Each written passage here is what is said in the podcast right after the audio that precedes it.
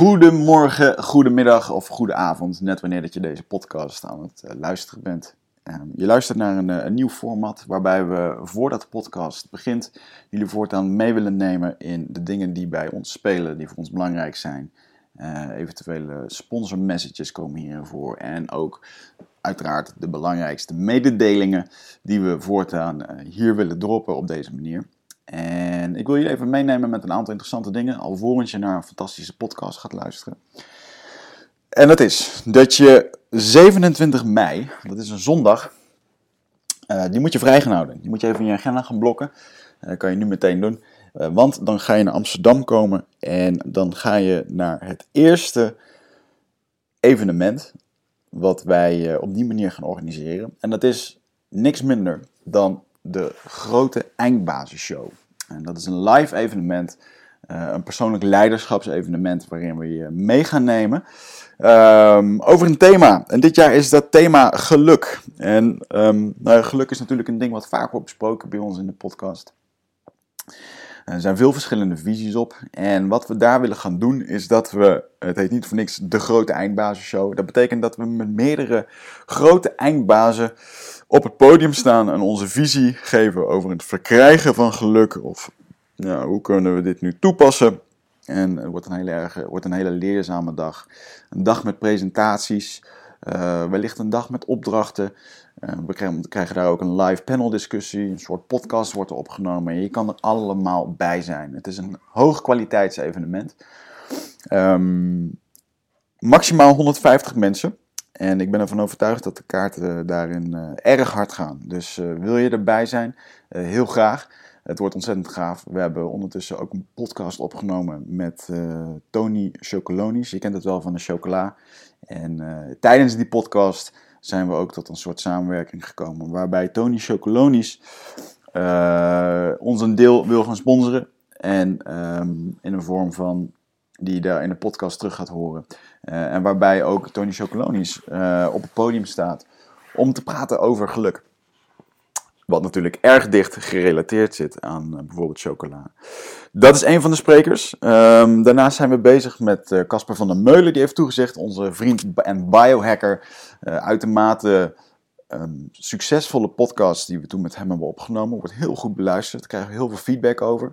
Want deze man leert je hoe je met je brein uh, eigenlijk ja, de afstandsbediening van je lichaam kan, uh, kan controleren.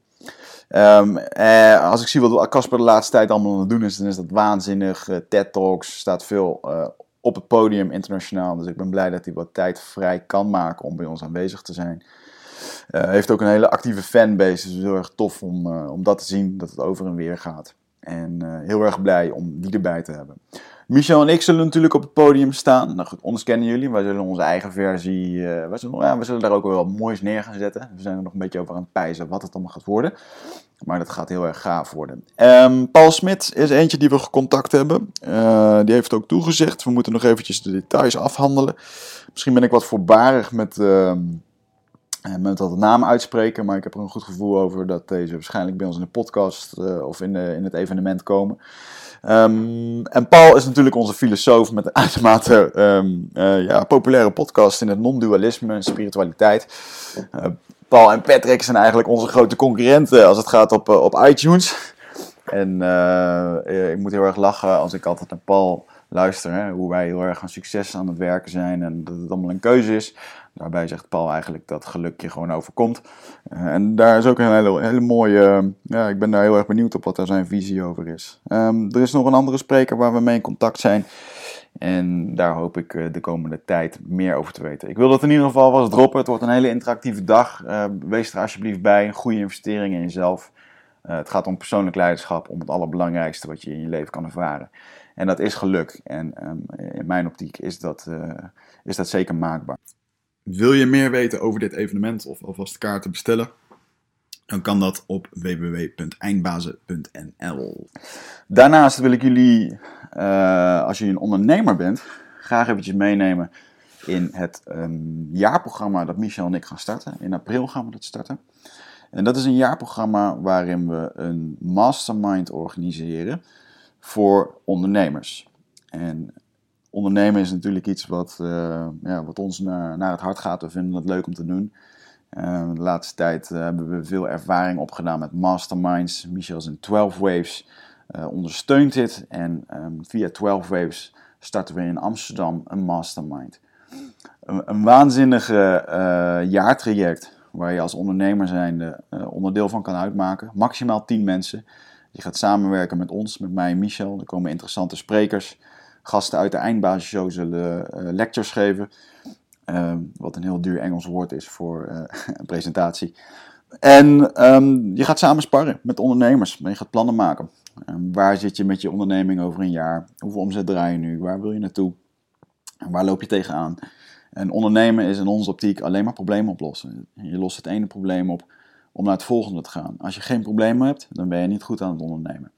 Dat is onze visie. Uh, maar we merken wel dat daar, uh, en wij zelf ook, uh, Michel en ik maken zelf ook veel gebruik van masterminds en van coaching.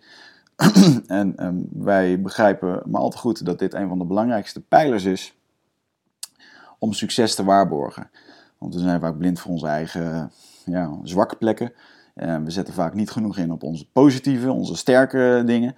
En daar moet je in gespiegeld worden. En dat is heel erg mooi om dat te laten doen door ondernemers die uh, bijvoorbeeld helemaal geen affiniteit hebben met jouw business, maar naar hele andere dingen kijken. En daar kun je zo ontzettend veel van leren. we hebben er al veel mooie resultaten mee, mee weten te boeken. En ik wil degene die hiermee getriggerd zijn om hier wat mee te doen, om even naar te kijken. Ga alsjeblieft eventjes naar 12waves.com. Dat is 12 uh, streepje in het midden. Waves.com slash masterminds. En daar zie je een, um, een pagina die volledig hierop gericht is. Daar kan je je aanmelden. Het is niet voor iedereen. Uh, de aanmelding is ook niet per definitie een goedkeuring. Je moet in de groep passen. Uh, je moet even je motivatie achterlaten. Uh, dus het is zeker niet voor iedereen. we hebben helaas al wat mensen moeten afkeuren omdat het niet voldeed aan, aan de standaard die wij eisen. Wij zijn op zoek naar de echte go-getters. De mensen die dit willen, die zich een jaar lang willen committen. En ik kan je garanderen dat, er een, dat je het, het geld wat je hierin gaat steken, de, de tiendubbel uit gaat halen. Mits je het allemaal gewoon gaat doen. En wij bieden je die structuur, wij bieden je die duidelijkheid en die verantwoordelijkheid om met je doelen aan de slag te gaan. En um, je bent, we zijn als mensen heel erg goed om veel te liegen tegen onszelf en het allemaal goed te praten. Um, en daar ben ik zelf ook schuldig aan. En daarom is het goed om in deze mastermind gewoon keihard gespiegeld te worden. En uh, daarmee aan de slag te gaan. Dus uh, wil je dit jaar aan jezelf werken en daarmee aan je onderneming, dan ben je van harte welkom om je daar eventjes aan te melden. Uh, dat is het voor nu. Uiteraard uh, wil ik nog eventjes Nutrofit benoemen. Dat is het bedrijf van mij, Michel, waarin wij supplementen verkopen. En onlangs hebben we een nieuw product ge gelanceerd. Dat is Epsom zout. Epsom zout is een magnesium. Magnesium komt voor in groene groenten. En zoals de meeste van jullie weten, wordt een hele hoop groenten niet meer gegeten. Of vergeten we het, of eten we het weinig. Of zit er gewoon niet meer genoeg voedingsstoffen in die groenten. Uh, leuk feitje om te weten is dat groente ook daadwerkelijk groen is, omdat er magnesium in zit. daarom is groene groente uh, staat, ja, eigenlijk, staat heel dicht bij, bij magnesium. Wordt dat vaak geadviseerd. Epsomzout is echter een zout wat je in je bad kan doen waar het via je huid naar binnen komt. Um, waanzinnig product, heel erg relaxed om het te gebruiken in je bad na een zware workout. Als je spierpijn hebt, uh, als je zwanger bent of uh, als je het gewoon zwaar hebt eventjes met je lichaam en je wil even relaxen in het bad. Dan gooi je er gewoon twee van die koppen Epsom zout bij. Um, wat opgenomen wordt door je huid. Het komt in je spieren. Je ontspant daardoor meer, slaapt beter. Waardoor je uiteindelijk een betere gemoedstoestand uh, hebt. En uh, we weten allemaal dat een beter herstel zorgt voor een hele hoop uh, goede dingen in ons leven. Um, ga daarheen met de kortingcode, kortingcode eindbazen, ook voor al je nootropica. Als je eventjes een, volgens mij komen, de tentamen, ja, de tentamenweken komen er ook wel weer aan, de komende maanden. Uh, nootropica, dingen voor focus, concentratie. kijk eens een keertje naar Alpha Brain of Siltap. En wellicht zit er wat voor je bij om die tentamens of die presentaties of die andere dingen uh, extra gefocust door te maken. En uh, try it out, money back guarantee. Je krijgt geld gewoon terug als je het niks vindt. Dus uh, het is een no risk exercise. Ik wil jullie nu naar gaan doorsturen naar de podcast met Kilian Bawu. En we hebben een mooi gesprek gehad over een heel belangrijk onderwerp bij de meesten. En dat is geld. En hij heeft een boek geschreven. Hij heeft een grote ervaring. Hij was een manager bij eh, ABN AMRO. En leefde in de wereld van hoge bonussen, dure maatpakken en dikke leaseauto's. En uh, daar uh, heeft hij op een gegeven moment afstand van genomen. Het uh, was heel erg mooi om met Kilian te spreken over geld. want hè, maakt geld nou echt gelukkig? En maken hoge bonussen en nog meer belonen. maakt dat medewerkers productiever? En waarom maakt geld bijvoorbeeld niet gelukkig op het moment als men niet met geld om kan gaan. Uh, nou, een hele hoop dingen die ik daarvan heb geleerd en uh, wellicht herken je er zelf ook in. Um, veel plezier met het luisteren ervan en we zien jullie met de volgende podcast. Eindbazen wordt gesponsord door Nutrofit. De webshop voor natuurlijke voedingssupplementen en trainingsmaterialen die je helpen bij het verkrijgen van Total Human Optimization. Nutrofit is hofleverancier van merken zoals Onnit, Natural Stacks en Bulletproof Coffee. Probeer onze producten zonder risico door onze money back guarantee. Bezoek ons op www.nutrofit.nl. Bestel je voor 9 uur s avonds, dan zorgen wij dat jouw bestelling de volgende dag geleverd wordt.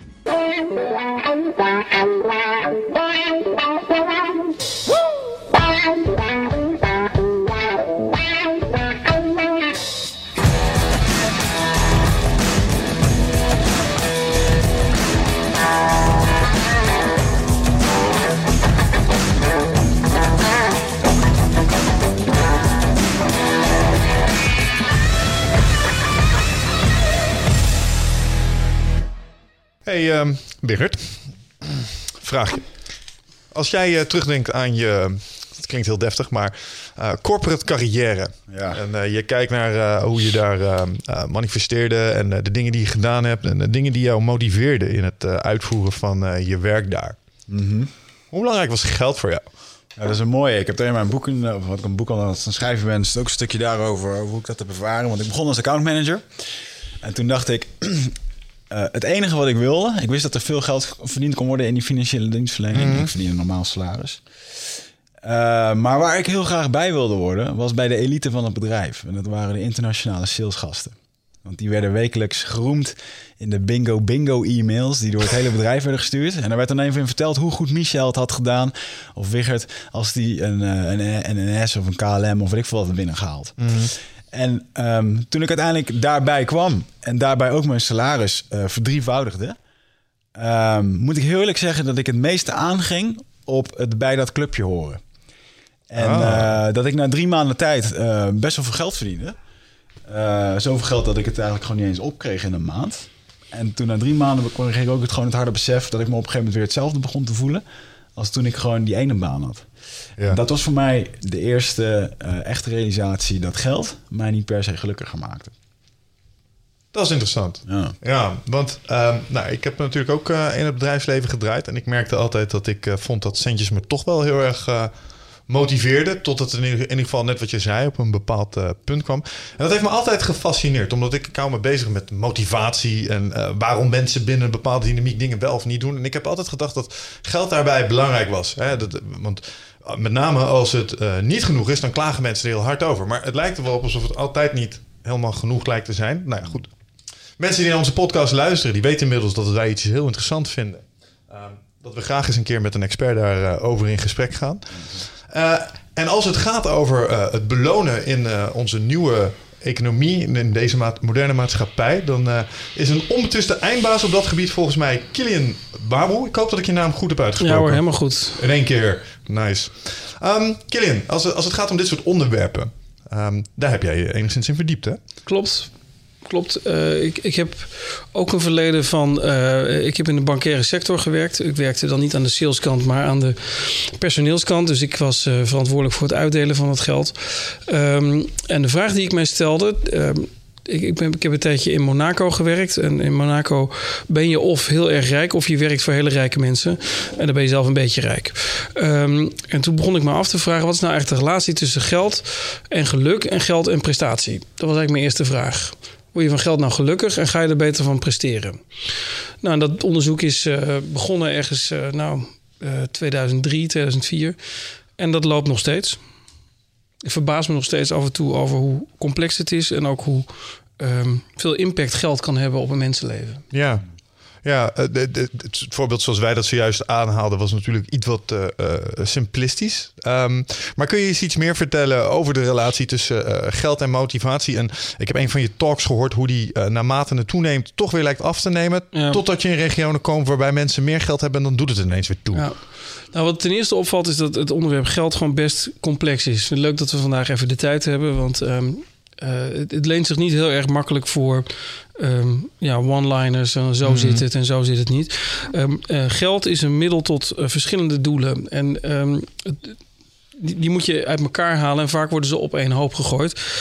dus motivatie, prestatie, geluk, levensonderhoud, het zijn allemaal verschillende onderwerpen. Ik zal kijken of we ze één voor één kunnen, kunnen behandelen. Om met motivatie te beginnen, uh, leidt geld tot motivatie? Is het antwoord uh, ja, maar ook ja maar, want uh, je hebt ook zoiets als intrinsieke motivatie. En mensen hebben in hun werk ook een zekere intrinsieke motivatie. Dat ze het gewoon leuk vinden om te werken. Mm -hmm. Omgekeerd, mensen die stoppen met werken worden vaak ook wat ongel ongelukkiger. en, en nou goed, mensen die pensioneren gaan dan vaak wat anders doen. Maar mensen die niks doen, zijn over het algemeen vrij ongelukkig. Dus werk is voor een deel intrinsieke motivatie. En voor een deel extrinsiek en dat is dan het geld.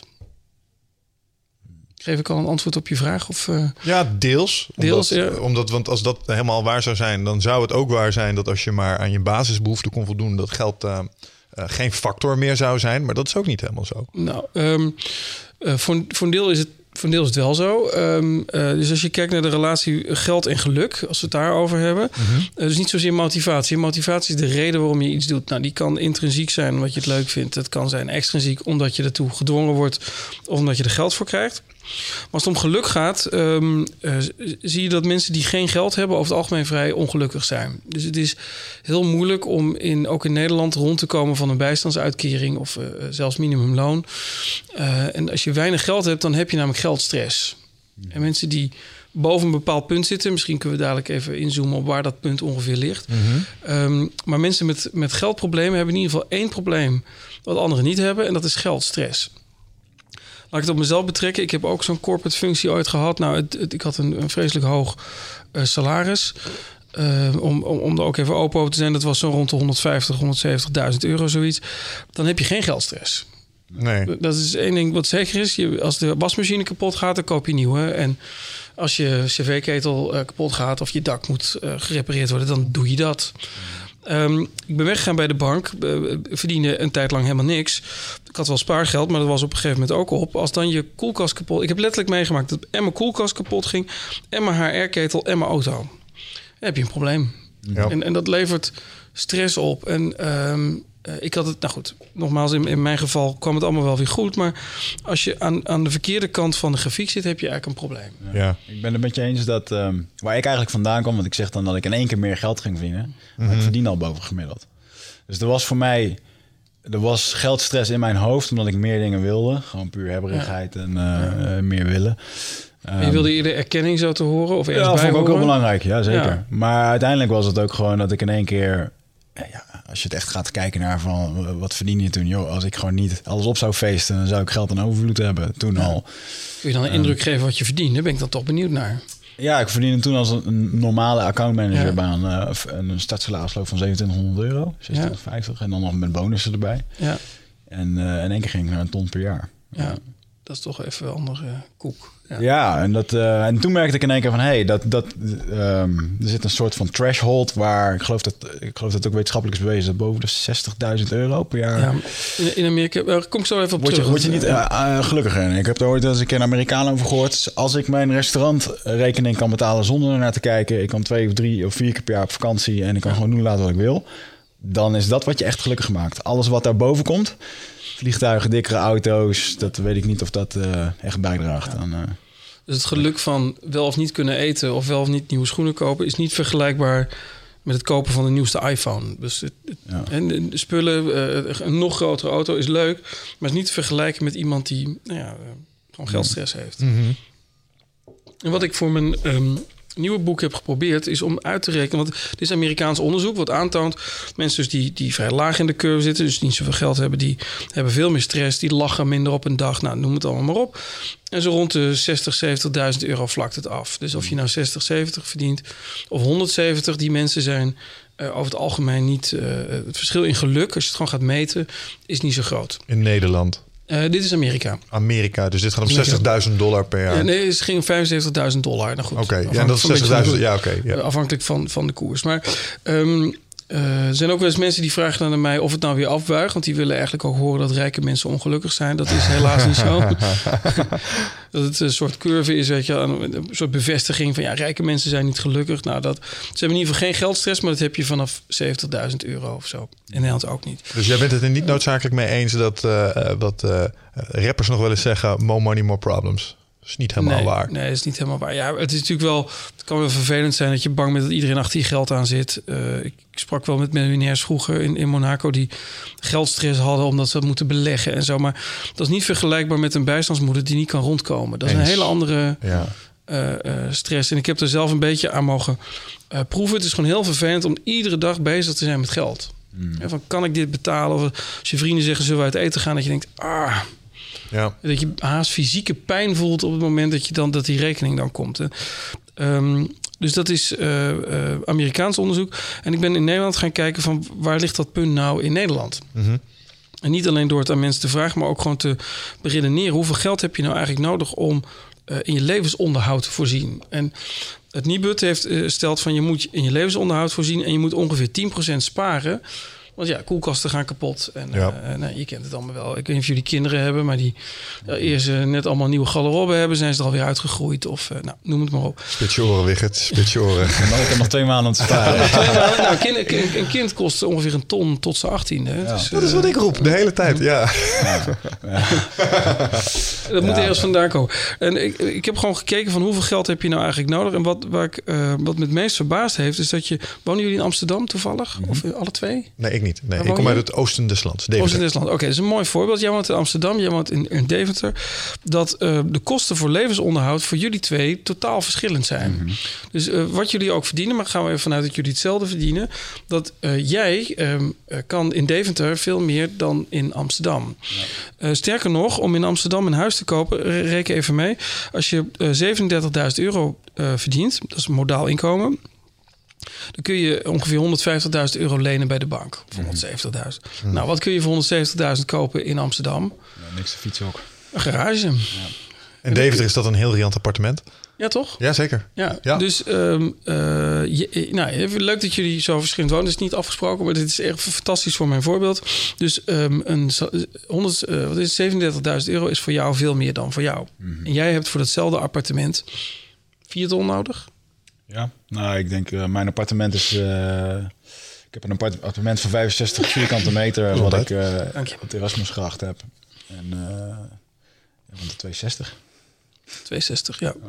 Ja, um, voor dat bedrag wat ik daarvoor in Davis zou kunnen komen, want ik ken jouw appartement daar, zeg ja. maar. Holy shit, daar kun je een heel mooi vrijstaand huis voor krijgen. Ja, en wat zie je nou is dat uh, uh, de demografische ontwikkeling in Nederland is, is heel apart. Uh, er zijn steeds meer hoogopgeleiden. Die gaan allemaal naar de stad. Uh, dus de stad wordt steeds drukker. En dan met name uh, de Randstad. Ook maar ook Groningen, stad en Eindhoven uh, worden steeds drukker. Er komen steeds meer internationale studenten. Ook steeds meer expats. Um, dus de groei van, in Nederland is, is heel geconcentreerd in, in de Randstad. Mm. en als jij in Amsterdam een, een huis wil kopen... dus het leven wil leiden wat hij leidt... Moet, moet, kan jij met modaal toe. En je hebt eigenlijk wel drie of vier keer modaal nodig... om zijn leven te leiden. Mm -hmm. Um, en dat heeft heel veel uh, consequenties voor de relatie tussen geld en geluk. Is dat uh, onze cao's en onze nou ja, collectieve arbeidsovereenkomsten maken geen onderscheid. Je hebt geen Deventer of Amsterdam toeslag. Dat, uh, nee. Um, terwijl dat, dus wat, wat je nou ziet gebeuren is dat de Randstad aan het verjuppen is. Dus daar komen, als jij daar, je krijgt een kind over twee maanden. Ja. Nou, dat kind heeft, heeft dat een eigen kamer dadelijk? Jazeker. Ja. Uh, ja, ik woon nog wat luxe, want ik heb een ja. uh, boerderij in Oude Kerk in Amstel. En we hebben een appartement in de stad. Oh ja, oké. Okay. Maar dat appartement in de stad, zou je daar een eigen kamer hebben voor het kind? Uh, nee. Nee. Nou, dus wat zie je dus dat jongere gezinnen... Dus wil jij dadelijk een huis in de stad hebben... moet je eigenlijk vier keer modaal hebben... En dan kun je een beetje het leven leiden wat jij Mhm. hebt in, in Deventer. Dus ehm, die, die Nederland is uit elkaar aan het groeien. Dus, dus geld, eh, de betekenis van geld wordt dus ook anders. En daar hebben we nog geen antwoord op. Met z'n allen. Dus die leraren bijvoorbeeld, hè, die, die staken nou voor meer loon. Eh, en dan hebben ze het over werkdruk en over eh, talenten. We kunnen mensen, weinig mensen aantrekken. Nou, dat heeft aantoonbaar niks met geld te maken. Eh, werkdruk en geld heeft niks met elkaar te maken. Maar wat wel een punt is, is dat de leraar kan niet meer in de stad wonen. Terwijl daar de groei zit. Er worden meer kinderen geboren, is leuk, symbolisch. Jij hebt geen kind, Deventer. Eh, daar worden ook echt minder kinderen geboren. Zitten meer, de gemiddelde leeftijd is ouder of hoger. En bij jou, eh, hier is de groei. Ik woon zelf in Utrecht. Daar zit heel veel groei. Eh, Utrecht gaat met wel 20% groeien de komende jaren.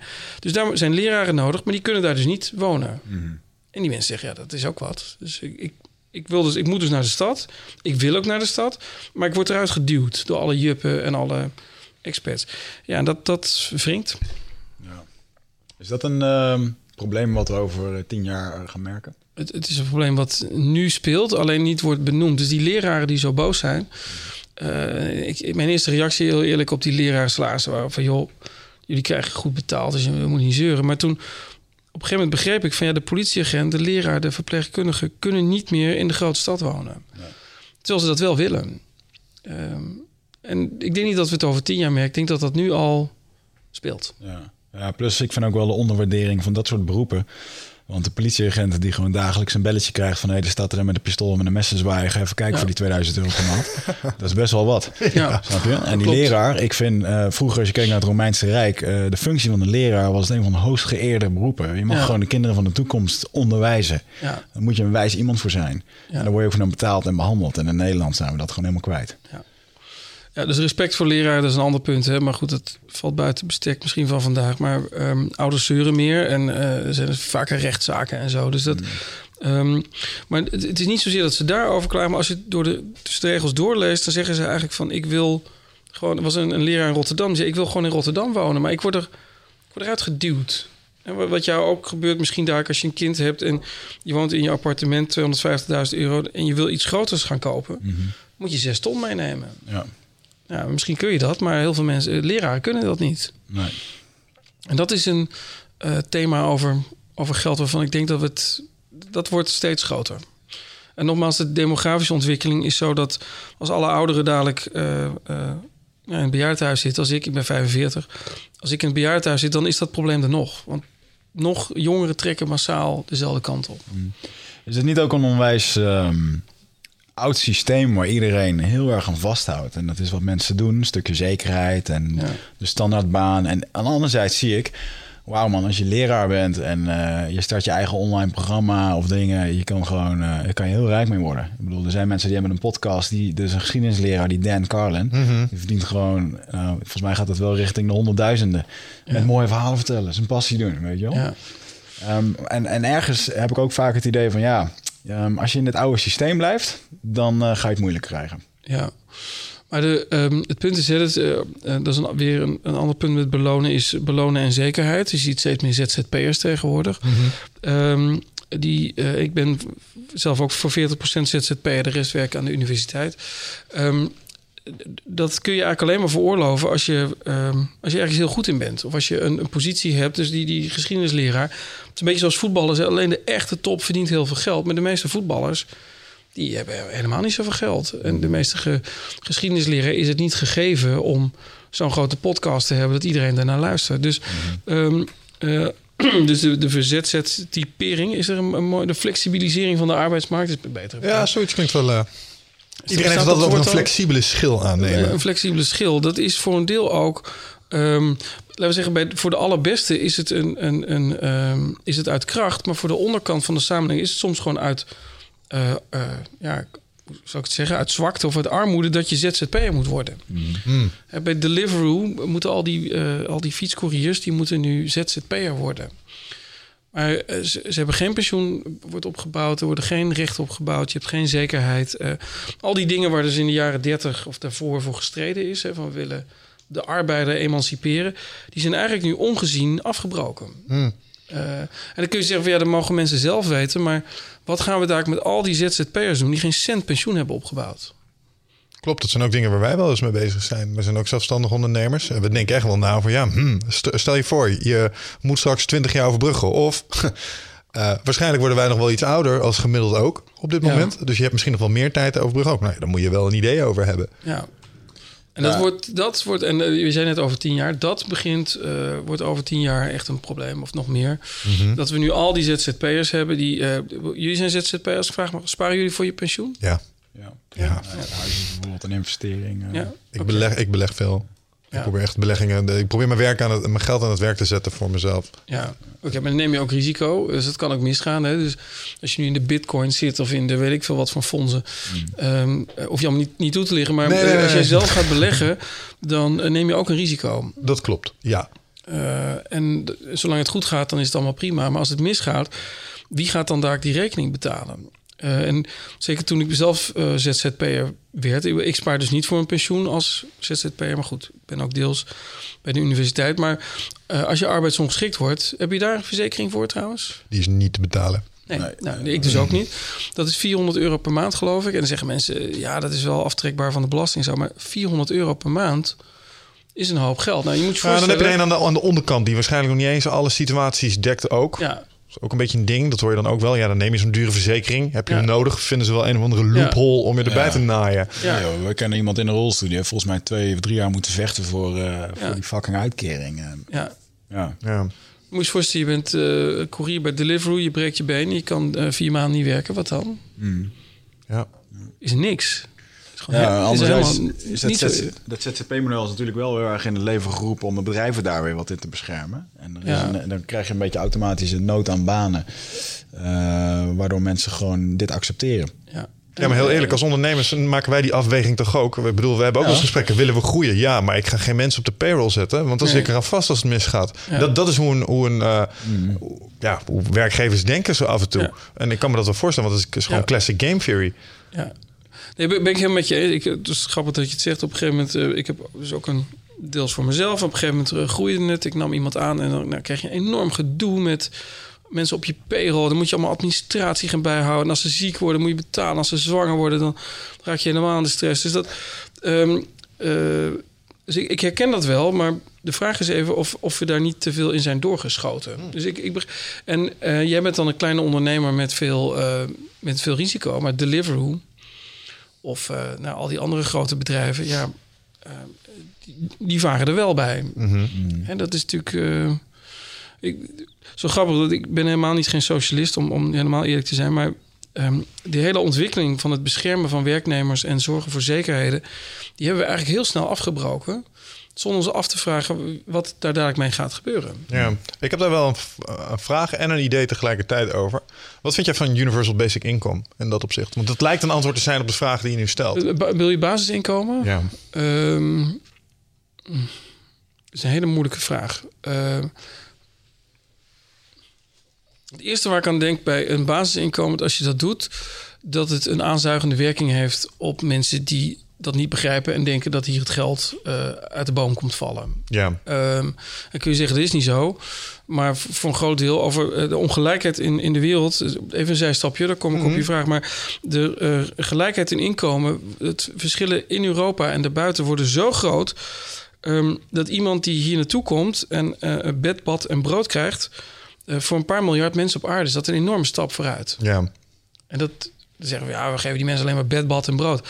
Nou, dat, er zijn mensen die daar een moord voor zouden plegen voor, om alleen al dat te krijgen. Ehm, dus in die zin lijkt dat lijkt me niet zo'n goed idee internationaal gezien. Ehm, en ook is de vraag of mensen die aan de onderkant van de samenleving zitten, die met alle respect ehm, gewoon niks, niks kunnen op dit moment, die gewoon niet de kwalificatie hebben om een baan te hebben, of je die eruit haalt als je die uit de armoede haalt. Als je begrijpt wat ik bedoel. Of ze anders, eh, zich anders gaan gedragen op het moment dat ze geen geldstress meer hebben. Of eigenlijk hunzelfde gedrag gewoon bestendigen. Ja, het, het is heel cruciaal dat je zegt gedrag. Dat impliceert bijna dat iemand dus nu werkeloos thuis zit. Prima zou kunnen werken, maar om een of andere reden dat niet doet. Maar wat nou als die persoon geen kwalificaties heeft waar wij op zitten te wachten? Nou, wat ik, wat ik daarmee bedoel is... Stel je voor, je bent eh, nu... ehm, eh, je hebt een... ik noem maar wat. je, je trekt een inkomen bijstand of, of wat Ja. dan ook. En, je, en je doet niks. Maar je kan ook niks, want je hebt geen geld. Je kan geen opleiding volgen, Nee. helemaal niks. En plots komt er, een, komt, er, komt er iets beschikbaar... waardoor jij geen stress meer hebt over je huur en je eten. En plots is dan het idee van eh, basic income... dat je Ja. eh, misschien wat geld en tijd hebt om jezelf wel te laten opleiden. Want je hoeft Ja. niet meer te struggelen. En daarmee kun je jezelf gaan ontplooien. Dat, dat is het idee erachter. Ja. Nee, ik, ik, nee, ik ken het idee heel goed. En ik heb ook het, het boek gelezen, hè, gratis geld voor iedereen en zo. Het is natuurlijk hele, er is een hele hype omheen. En ik, ehm, ehm, voor een middengroep die, die best eh, wat kan, maar geactiveerd moet worden, zou dit best kunnen werken. Waar ik me eh, zorgen over maak, om maar iets te noemen, er zijn iets van 2 miljoen mensen in Nederland die eh, zwak of minder begaafd zijn. Hè, dus waar je 2 miljoen mensen die hoogbegaafd zijn of goed veel begaafd, heb je ook een andere kant. Kunnen we die uit de armoede krijgen door ze gratis geld te geven? Ik, ik denk het wel. Ehm, ja, ik, ik twijfel. Even een voorbeeld. Ik heb stage gelopen in eh, Eindhoven in de jaren 90 bij Philips. En, en als je met Philips binnen, of Eindhoven binnenkwam, dan zag je al die fabrieken. Hè, rechts had je al die, eh, ik weet niet of je dat kent, die grote witte gebouwen naast het Philips Stadion. Eh, daar zitten nu allemaal design ZZP'ers. Het is een en al high-tech, start-up Eindhoven. Ik, ik, ik verbaas me toen ik er laatst was. Helemaal hip en happening. Silicon Valley van Ja, Nederland. ja, echt. Het is echt de, de sfeer daar, het is totaal anders. En toen ik daar dus 20, eh, 25 jaar geleden eh, stage liep, toen was het, eh, had je heel veel laag opgeleiden die daar in fabrieken stonden. Nou, dat is een mooie ontwikkeling. Die, die laag opgeleiden, dat werken ze allemaal naar Polen of dat zijn robots geworden of weet ik veel wat. En de start-ups hebben dat overgenomen. Dus je kunt zeggen, per saldo is er weer nieuw werk gecreëerd. Het punt is dat die mensen die nu werkeloos zijn, kwalificaties hebben, namelijk lampen in dozen doen. Ja, dat, daar is geen werk meer voor. Nee. Eh, en die geven daar een basisuitkering eh, en, en dan basisinkomen. Ja, dan denk ik nog steeds dat er dingen te doen zijn eh, in deze maatschappij waar ze een gevoel van Ja. nut en waarde kunnen hebben. En ik denk dat het de uitdaging voor de maatschappij is om ze daarbij te helpen. Ja, nou, en daar is het punt. Je moet iemand dus helpen, coachen. Daar moet je echt iets mee doen. Want ehm, ook als je al twee, drie generaties werkeloos bent, dan zit werken niet meer in je DNA. En ik, ik maak mij zorgen qua inkomsten over eh, de onderkant van de samenleving. Ja. En dan nogmaals niet vanuit een socialistische gedachte geeft die mensen lekker veel geld en dan eh, kunnen ze hun tijd uitzitten. Maar juist hoe activeren we die? Het klinkt heel, heel eh, banaal misschien, maar moeten we niet aan, aan een soort werkverschaffing doen? Ja, misschien wel. Misschien is het ook omdat die mensen simpelweg niet weten waar hun toegevoegde waarde ligt. En kun je daar een soort van in bemiddelen. Ja. Ik zal je een voorbeeld geven uit Ja. de praktijk waar ik me over verbaasd heb. Mensen met eh, sterk zwaar autisme Ja. kun je helaas niet zomaar in elke wille- willekeurige corporate dynamiek neerzetten. Maar er zijn nu op Fiverr zijn er bijvoorbeeld wel clubs en die verzamelen die mensen. Want Ja. wat ze wel kunnen is heel gefocust één klusje heel goed doen. Ja. En wat die bijvoorbeeld doen is die tikken podcasts uit. Ik laat wel eens podcasts transcriben. En er is een club en die doet dat met mensen die op het spectrum zitten. Waarom? Ja. Ah, die kunnen zich wel die kunnen zich concentreren op zoiets. En die kunnen daar iets in doen wat ze wel kunnen. En daarmee hebben ze een toegevoegde waarde. Dat is een heel klein voorbeeld. En je moet je afvragen of, gelet op computerontwikkeling, het, het uitschrijven van gesproken stukken tekst nog heel lang blijft Nee, nee, bestaan als nee. baan. Maar het is een voorbeeld van hoe je ze Ja. iets nuttigs kunt laten doen. Overigens, ze willen niet meer met ons samenwerken omdat ze veel stress kregen van ons spraaktempo. Maar het, het is ook wel een. ehm, eh, je zet mensen daarmee ontzettend. eh, je wil mensen een kracht zetten door mij. Joh, ga het zelf doen. Je kan het zelf. Je Ja. hebt al die vrijheid. En ook die Uber-chauffeurs en dat soort dingen.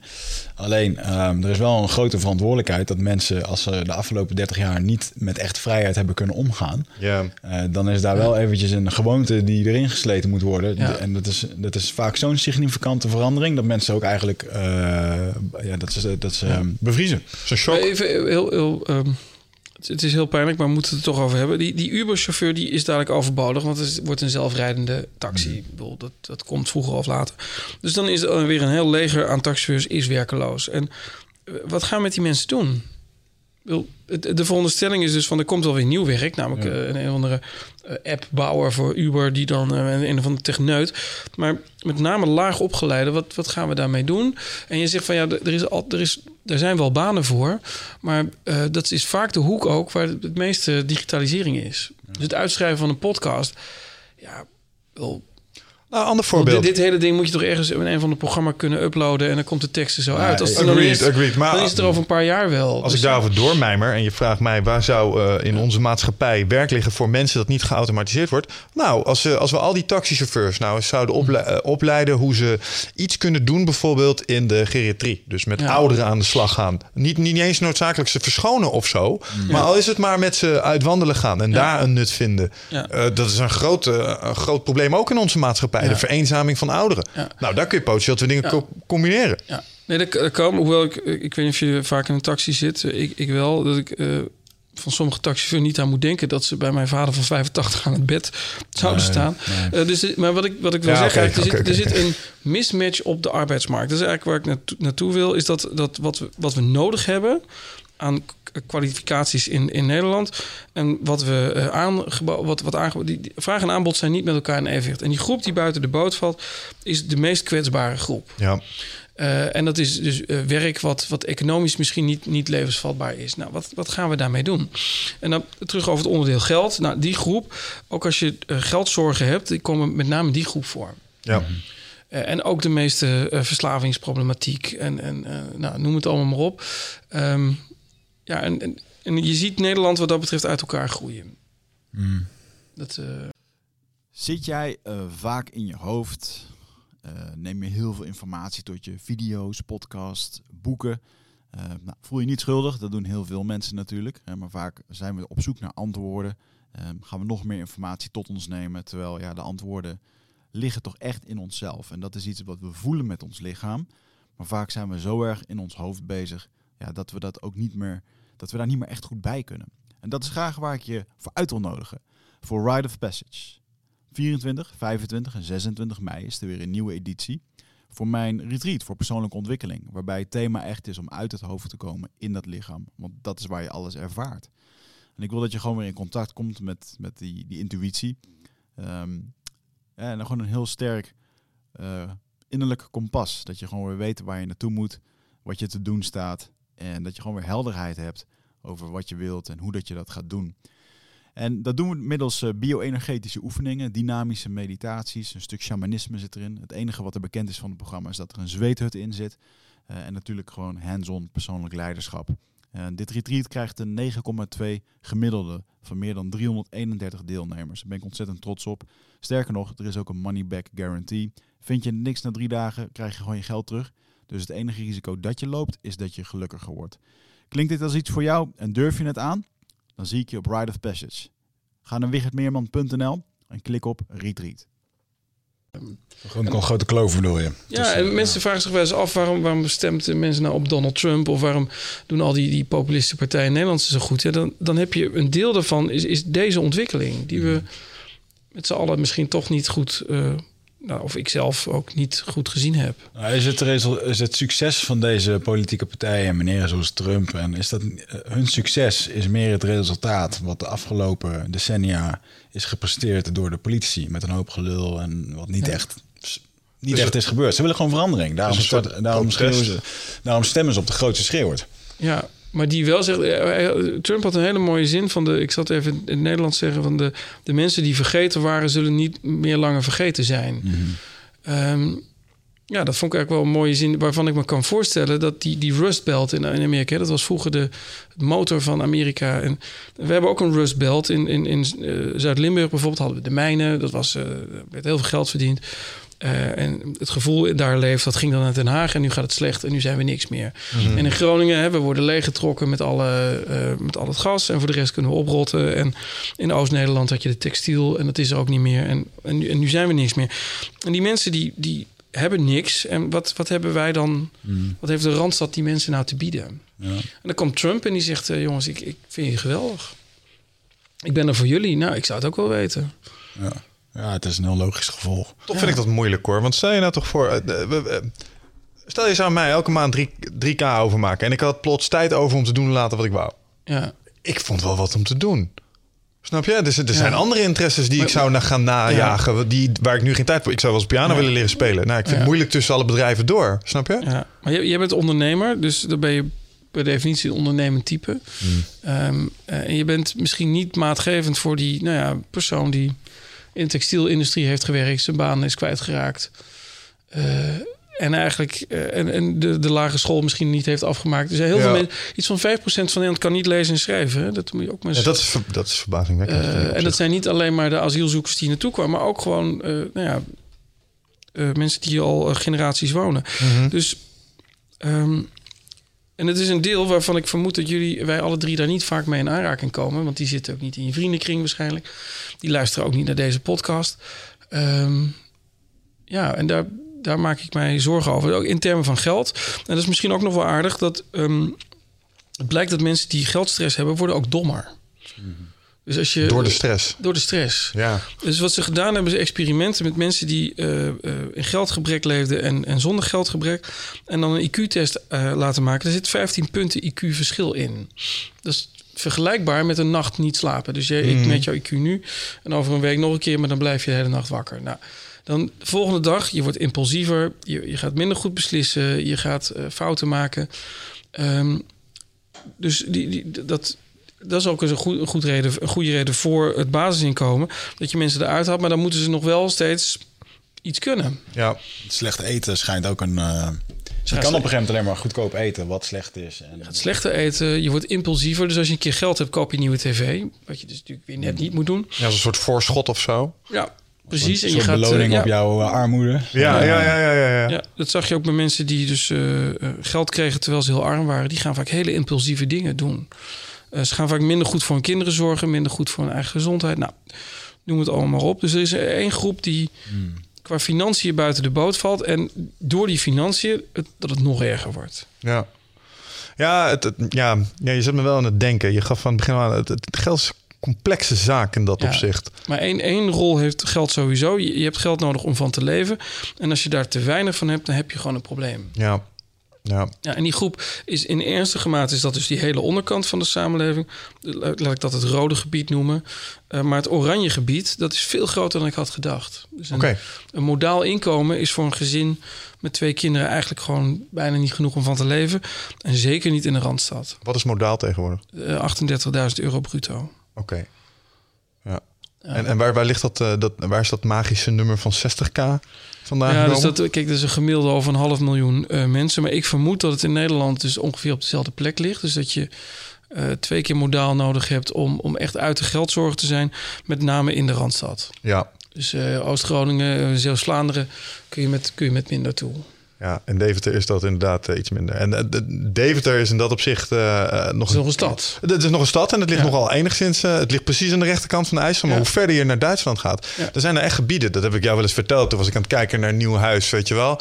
Dan kon je voor 350k kon je echt een vrijstaand villa-complex met zwembad krijgen in sommige gebieden. Ja, Oké, je zit wel praktisch in Duitsland, Ja. maar het is nog net op de grens van Nederland. En het verschil wat je krijgt voor je euro is zo ontzettend groot. Ja. Ja. je zit midden in the middle of nowhere, maar voor sommige mensen is dat misschien ook wel Ja. leuk. In Amsterdam krijg je 60 vierkante meter voor 350.000 euro in Ja, West. misschien iets meer ligt eraan waar je... Ik zit, Ja. nog, ik zit nog aan West, zit aan de, aan de buitenringen. Dus laat staan dat je in, eh, in de pijp zit. Of, in Oud-West, eh, de Pijp, eh, Jordaan of wat dan ook. ja, dan heb je dat wel, ja. Ja. Maar dan hebben we het nu alleen over huizen. Is het nou ook zo dat eh, bijvoorbeeld gewoon de kosten van het leven in de Randstad eh, hoger zijn? Bijvoorbeeld, want brandstofkosten zijn toch overal gelijk, denk Ja. ik dan. En eh, het eten in de Ja. supermarkt kost overal ook evenveel. Ja, dus heel fascinerend. Leuk dat je het vraagt, want ehm, die vraag heb ik me ook gesteld. Wat is nou het verschil in levensonderhoud in, in, tussen de rest van Nederland? Die is eigenlijk nauwelijks. Dus de Hmm. Albert Heijn in, in, in die plaatsen die jij net noemde, of die, die je beschrijft, die, die is even duur als Hartje Amsterdam.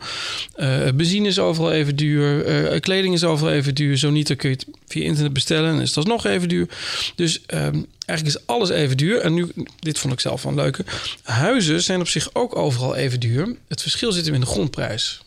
Dus dat, dat huis met een villa en, en om dat te bouwen in het, eh, tegen de Duitse grens aan of te bouwen in Amsterdam, ja, dat maakt niet zoveel uit. Het is de grondprijs. En Juist. toen dat, dit probleem zagen ze anderhalf jaar, eh, anderhalve eeuw geleden ook al.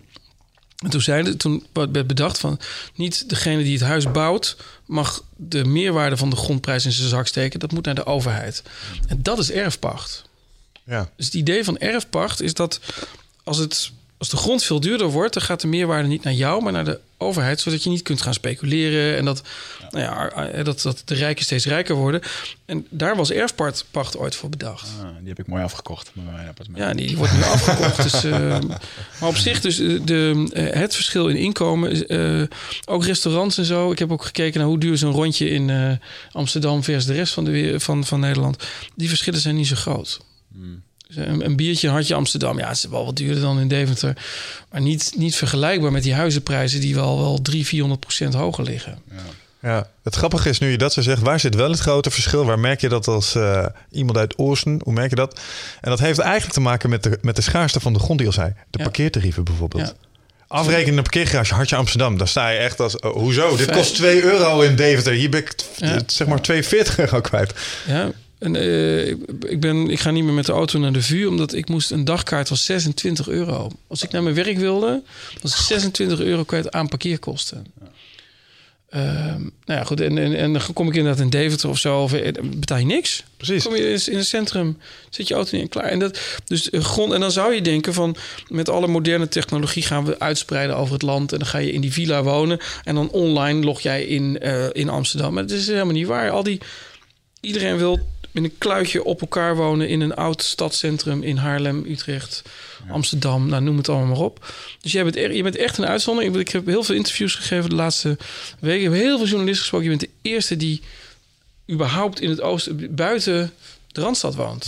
Ehm, Ja, dat is, maar daar zit ook dit idee achter. bijzonder. Ja, maar omdat ik erachter... Ik kom uit die contraille, dus ik weet Ja. dat de prijs... en ik kan het niet aan mezelf verkopen om, Ja. om dat verschil... dat kan ik gewoon niet aan mezelf rechtvaardigen. ja. Want ik, ik zie, ik, ik zie Wigert in, eh, in Amsterdam wonen. En denk ik echt, nou ja, eh, net wat je zegt. Hallo, ik kan eh, gewoon remote werken tegenwoordig. Ik bedoel, ik hoef niet alle dagen hier in Apkoude te zijn. Als ik kijk, als ik een normale kantoorbaan had... en ik moest hier elke dag om negen uur stipt zijn... Ja. was het een ander verhaal geweest.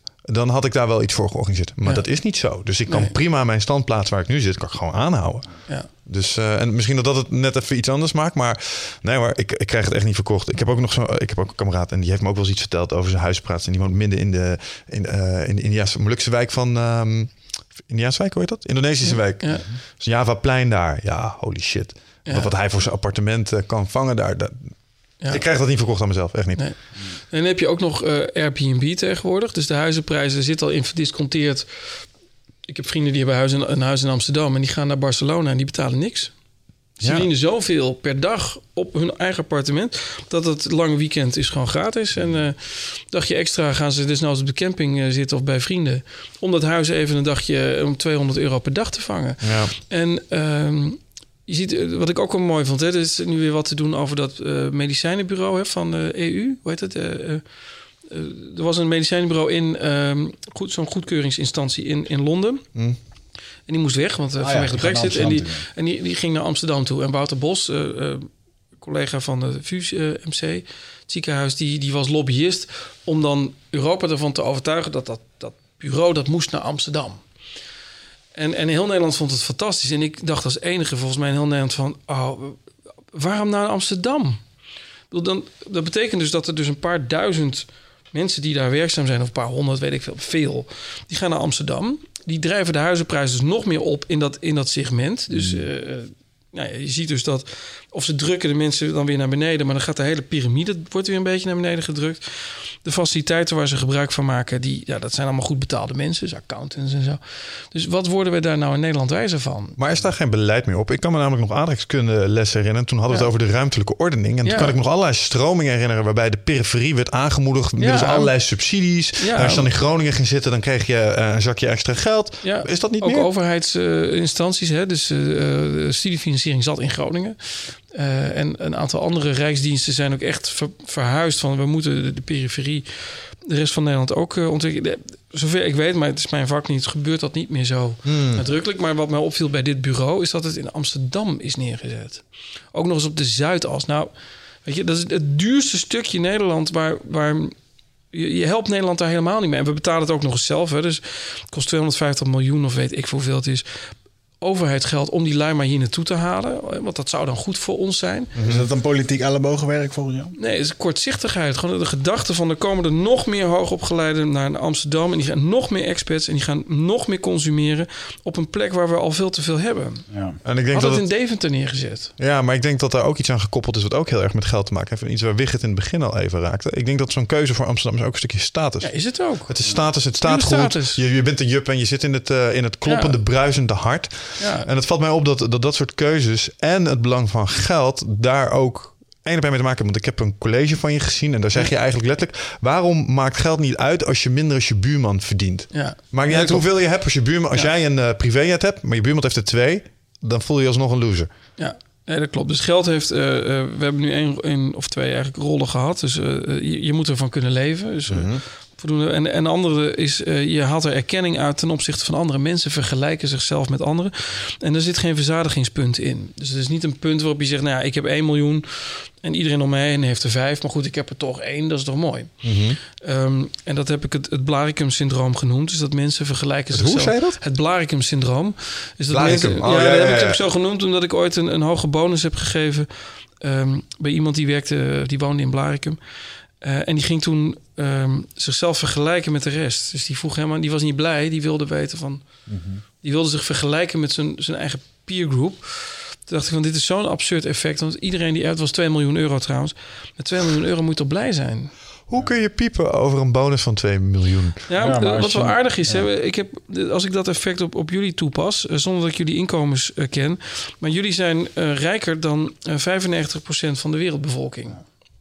Eens. Dat, dat weet ik zonder dat ik jullie salarissen ken. Maar als je modaal verdient in Nederland, eh, zegt, dan zit je rond de 95% eh, eh, hou je onder je. Dus je bent 5% rijkste mensen ter wereld. Ehm, de- en zelfs al zit je iets boven of onder modaal, dan nog behoor je echt tot de top van de top. Mijn studenten aan de VU behoren al tot de top 10 in de wereld. En dan kun je zeggen, ja, maar de koopkracht is anders in Ethiopië. Nee, ge- gecorrigeerd voor koopkracht. Als je, als je dat weet, ehm, is natuurlijk absurd dat wij tot de allerrijkste mensen behoren. Maar ja, een, een student aan de VU vindt zichzelf niet mega rijk. Ik weet niet hoe jullie je voelen, maar als ik je nu vertel dat je tot de rijkste 5% van de wereld behoort, heb je dan het gevoel van, yeah, wat ben ik rijk. Ja?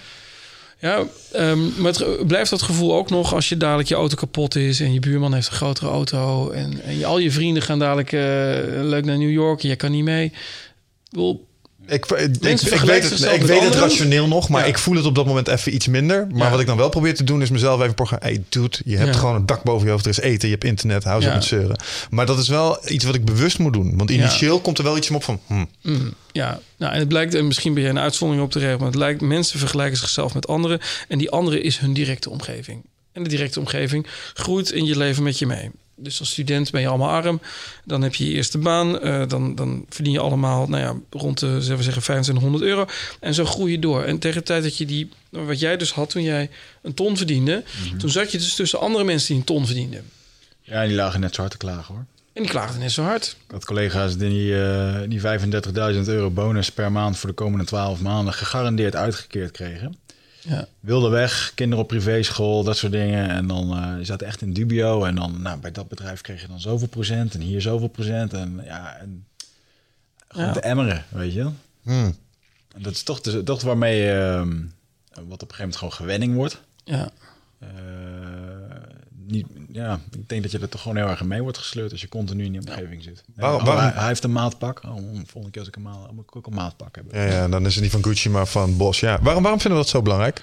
Nou, de, de is, um, deze verklaring is een beetje speculeren, maar de gedachte is waarschijnlijk het volgende. Als wij gelukkig zouden zijn met wat we hebben, al heel snel, dan zouden we als uh, soort ook niet meer groeien.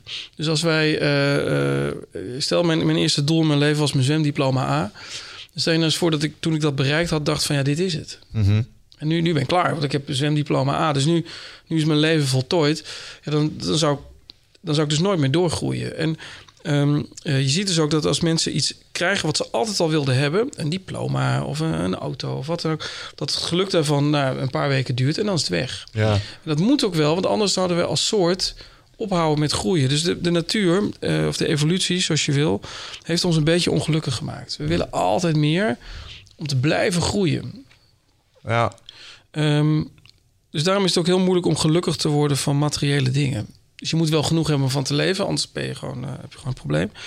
Maar als je, ik zeg al tegen mensen, als je met, met 50.000 euro per jaar nog niet gelukkig bent, word je het met 150 ook niet. Nee, is een goede uitspraak. En, en, en dat vinden ze heel moeilijk om zich voor te stellen. Denk van ja, maar als ik of dat diploma, hè, dus eh, eh, scholieren of zo, die, eh, weet je nog je eindexamen? De- Mhm. weet, heb je je eindexamen gedaan? ooit? Jazeker. Ja. Kun je die blijdschap nog herinneren dat je dat telefoontje kreeg en je, je was geslaagd? ja. En je mocht die, die vlag, oh, ik kreeg weer kippenvel als ik eraan denk. En ja, daarna denk je, ja, maar moet ik dan gaan studeren? Ja, krijg je stress. Ik kreeg stress. Ja. Ik, ik, zit al, ik, ik deel diploma's uit op de VU en dan zie ik die ouders, iedereen helemaal in tranen. En dan, en dan eh, twee dagen later is dat, is dat weg. Dan denk ik, ja, ik heb eigenlijk geen baan, wat moet ik nou doen? Ja. Dus het, het geluk met iets krijgen, iets materieels, is eh, ja, bewust in de natuur, levert dat niet al te veel op. Ja, ik heb dat een keer mooi eh, omschreven worden door een, iemand waar ik mee samenwerk. En die zei van ja, een nieuwe auto is na een week gewoon weer een auto. Snap je? Dan heb je een week, heb je daar misschien Ja. lol van, ah, vette bak. En eh, dan eh, een week later, dan is het gewoon een ding. En dan Ja. heb je de eerste manco's eraan. En dan moet hij in een garage en dan is het een brakke kutbak, weet je wel. Toch maakt het je gelukkig. Want ik bedoel, eh, ik ben ook al langer op zoek naar een nieuwe auto. En dan toch is het iedere keer fijn als je erin kan stappen en dat je het hebt. Want het is ook een prestatie. Maar het is wel een, eh, ja, weet je, laten we blij zijn dat, we, dat je je druk mag maken over deze problemen. Ja. Tuurlijk. Maar dat is ook waar ik het over had. Soms moet je gewoon afvragen, ja, waar wij het over hebben zijn ook gewoon eerste wereldproblemen. Alleen het ding is wel, en dat valt me wel op, en daar heb jij gelijk in. Ik moet me daar zelf wel heel bewust aan herinneren. Want mijn default modus is eh, een soort onvrede voelen als ik mezelf ga vergelijken. Ja, maar jullie willen ook groeien, neem ik aan, in je werk. Als ik je nu zeg van wat je nu doet, dat blijf je hele leven gewoon doen. Gewoon niks, je groeit niks meer, je komt niks nieuws bij. Je gaat gewoon alleen maar dit doen wat je nu doet. De meeste mensen gruwen daarvan. Iedereen, mensen willen groeien, beter worden. Ja. Eh, eh, dat is ook het mooie van ondernemen, is dat die gaan maar door. Dus ook als ze miljonair zijn, dan, willen ze doorgaan. En dat is ook heel goed. Dus, maar de, de groei is de beloning Ja. die je krijgt. Dus daarmee groei. kunnen we zeggen dat belonen wel helpt. Ja, maar in dit geval hoeft dat dus niet financieel te zijn. En is het eerder een intrinsieke motivatie om te groeien. En dat, dat is weer het andere punt over motivatie. Mensen hebben enorme drive om te willen groeien. Mhm. Denk je dat dat, eh, dat dat is mijn theorie dan? We hebben hier wel eens eh, gesproken met allerlei evolutionair psychologen. Ja, ik, denk zie, dat mijn, voor ik zie mijn, eh, mijn buurman Mark van Vught. Nou, dat, ik wou net Mark aanhalen. Want... Ja, die zit in de kamer naast mij. Oh, echt waar? Ja, nou, doe ja. hem de groeten. Ja, ik doen. Ja. Leuk. Jullie wonen in het steltje studentenhuis? Ja. Nee, maar Mark heeft mij geleerd dat alles onder de streep eigenlijk een soort van seksuele selectie is. En volgens mij lijkt Ja. geld een heel mooi instrument om te laten zien aan de buitenwereld hoe goed jij je shit wel niet voor elkaar hebt. Ja. En dat, dat je dat misschien je pluspunten geeft in, in dat specifieke spel. Hoe kijk jij daar tegenaan? Ehm, kijk, dat ehm, eh, mannen die eh, beschikken over schaarse goederen eh, zijn aantrekkelijker. Dat, is, eh, dat, dat heb ik ook van Mark geleerd en dat, dat klopt ook wel. Overigens, wat je net beschrijft, is vooral van mannen uit. Hè? Dus dat vrouwen kijken over het algemeen, selecteren mannen op nou ja, de, de, deels op de mate van, van succes. Dus dat, dat helpt wel. Ehm, eh, omgekeerd is dat minder zo. Hè? Dus eh, een, een succesvolle vrouw is niet noodzakelijkerwijs aantrekkelijker. Sterker nog, er zijn heel veel mannen die dat bedreigend vinden. Mild intimiderend. Ja, Zou je dat trouwens zeggen? Zou je dat erg vinden als je vriendin meer verdiende als dat jij deed? Ik heb daar echt nul problemen mee. Nou, dat is op een gegeven moment ook gebeurd. Ja, Vond je dat meer, even, meer verdienen. Maar eh, en, en, er zijn natuurlijk een paar dingen. Het kan even tijdelijk zijn, maar, ehm, maar ook in termen van ontwikkeling. Als jij nou een vrouw hebt die, die veel, gewoon veel succesvoller is dan jij. Nou, dat is exact, exact wat is gebeurd. Want toen ik bij die multinational werkte, ben ik voor mezelf begonnen. Ja. Ik had een vriendinnetje, die had een kledingbedrijf. En die lag op een gegeven moment in 200 winkels. En dat ging eh, allemaal naar China. En dat ging allemaal goed. Containers Ja. in en uit. En ik eh, zat met een investering die op was. eh, eh, de aansprakelijkheidsverzekering van 7 euro. Die door de bank werd opgezegd. Omdat het niet meer van mijn bank werd afgehaald, kon afgehaald worden. Ja. En toen heb ik daar zeker wel... ja, je, je laat het dan niet merken. Maar daar heb ik echt wel... ja, dat voelt als man zijn eh, is dat moeilijk. Ja. Ja, fijn dat je zo eerlijk bent, want de meesten geven nu een heel politiek correct antwoord. Ja, nee, dat is wel. eh, Ehm. nu, nu zit ik in een andere situatie waarbij ik een vriendinnetje heb die eh, on- ontzettend proactief is. En ehm, ik kijk met bewondering naar hoe vloeiend zij alles kan aantrekken. Ja. Dat vind ik mooi om te zien. En ik kan er nu echt een, ik kan er nu blij om zijn. Ja. Maar de, dus overigens, eh, als ik te ver uitweid, dan moet je maar weer even terughalen naar Dat is eh, juist mooi hier. Dus, dat, ehm, eh, dat is een ander maatschappelijk probleem. Is dat op dit moment, ook op de VU, maar op de meeste universiteiten, is, zijn ongeveer 60, 65 procent van de studenten is vrouw. Ehm, dat betekent, even uitrekenen, als twee derde vrouw is en een derde is man, dan is de verhouding 1 staat tot 2. En dus je hebt dan twee eh, vrouwen op één man. Als je bedenkt dat de meeste vrouwen de voorkeur geven aan een man die qua eh, inkomen en status gelijk is, maar liefst hoger, dan kun je uitrekenen dat de verhoudingen op de huwelijksmarkt bij aanvang al 1 staat tot 2 Scheef zijn. staan, ja. Zijn al helemaal scheef. Maar als je ook nog bedenkt dat de vrouwen die. die want ik zit op een universiteit, maar de HBO-vrouwen ook liever een universitair geschoolde hebben. En de MBO-vrouw liever een HBO-geschoolde. Dan zie je dat het, het hele huwelijksgebouw of het hele huwelijksmarkt helemaal uit het lood is geslagen. En dat het steeds erger wordt. Ehm, dat heeft in zoverre heel veel gevolgen dat ehm, je ziet dus heel veel vrouwen ook in. Jij woont in Amsterdam, maar Amsterdam West bijvoorbeeld, als je daar rondloopt in de supermarkt, dat is bijna alleen maar vrouwen. Ehm, veel althans. Ehm, en dat in de provincie er weer een overschot is aan mannen. Dus je Ja, krijgt. ik weet wel dat er getallen zijn dat er inderdaad in Amsterdam veel vrouwen wonen. Ja. meer dan mannen. Er is een overschot aan vrouwen. dus Dat was ook een reden vrouwen. voor jou om dat te gaan wonen initieel. Ja. Maar dat, ehm, ehm, over het problemen van de toekomst gesproken, die, die disbalans, is dat de huwelijksmarkt, als die uit het lood raakt. eh, voor met die vrouwen hoef je niet zo zorgen te maken, want die moeten dan of gaan eh, downdaten, zoals dat dan heet, heb ik begrepen van mijn collega's. Dus dat je een, een, een partner zoekt die, die minder is opgeleid en minder verdient dan jijzelf. Er zitten nu een paar mensen thuis die denken, fuck, ik ben een downdater. Ja, een down, downdaten of, eh, of eh, happy single worden of eh, weet ik veel wat. Of eh, serieel monogaam, geeft allemaal maar een mooie naam. Maar met name die mannen, mannen die ehm, eh, geen partner hebben of kunnen krijgen, die radicaliseren nogal. Dus die, de, de kans op allerlei problemen neemt dan ook toe. Wat bedoel je met radicaliseren? Nou, in de, in de zin van dat ze ehm, eh, vaak heel erg conservatief worden. Dus dat ze hele conservatieve denkbeelden erop nahouden over dat Oh. vrouwen eigenlijk achter het aanrecht eh, hoort te staan. Ehm, en dat ze ook heel eh, boos worden op de maatschappij en dat ook uiten. Het is pure seksuele frustratie volgens mij. Ja, of relationeel. Hè, dus ja. Ja, maar een onvermogen om mee te kunnen doen in de, Ja. in de seksuele competitie... Is denk ik een van de grootste manieren om verbitterd te raken. Ja, nog erger, je doet wel mee, maar je verliest gewoon. Ehm, dus wat je zegt, je doet niet mee. Ja, je, je doet, oké, misschien bedoelen we hetzelfde, maar, maar je- mensen kiezen jou niet uit. Dus je krijgt. eh, dus een deel van dat effect wat ik net beschreef, hè, van dat, dat armoede en, en die onderkant van de samenleving, Mhm. die wordt, eh, daar zitten relatief veel mannen in. Er zitten relatief veel mannen waar eh, geen partner voor is. En geen partner, geen, geen huis, geen baan is een, een ideale mix voor allerlei ellende. Ja, En ik las, en dan ga ik nog een, dan ga ik, ik ga nog meer uitweiden nu ik het toch mag. Ik las een, een fantastisch artikel in The Economist over polygamie. Ehm, waar ik nooit over na heb gedacht, denk even met mij mee. Als ik vier auto's heb ja. en eh, dan hebben jullie twee daar geen last van.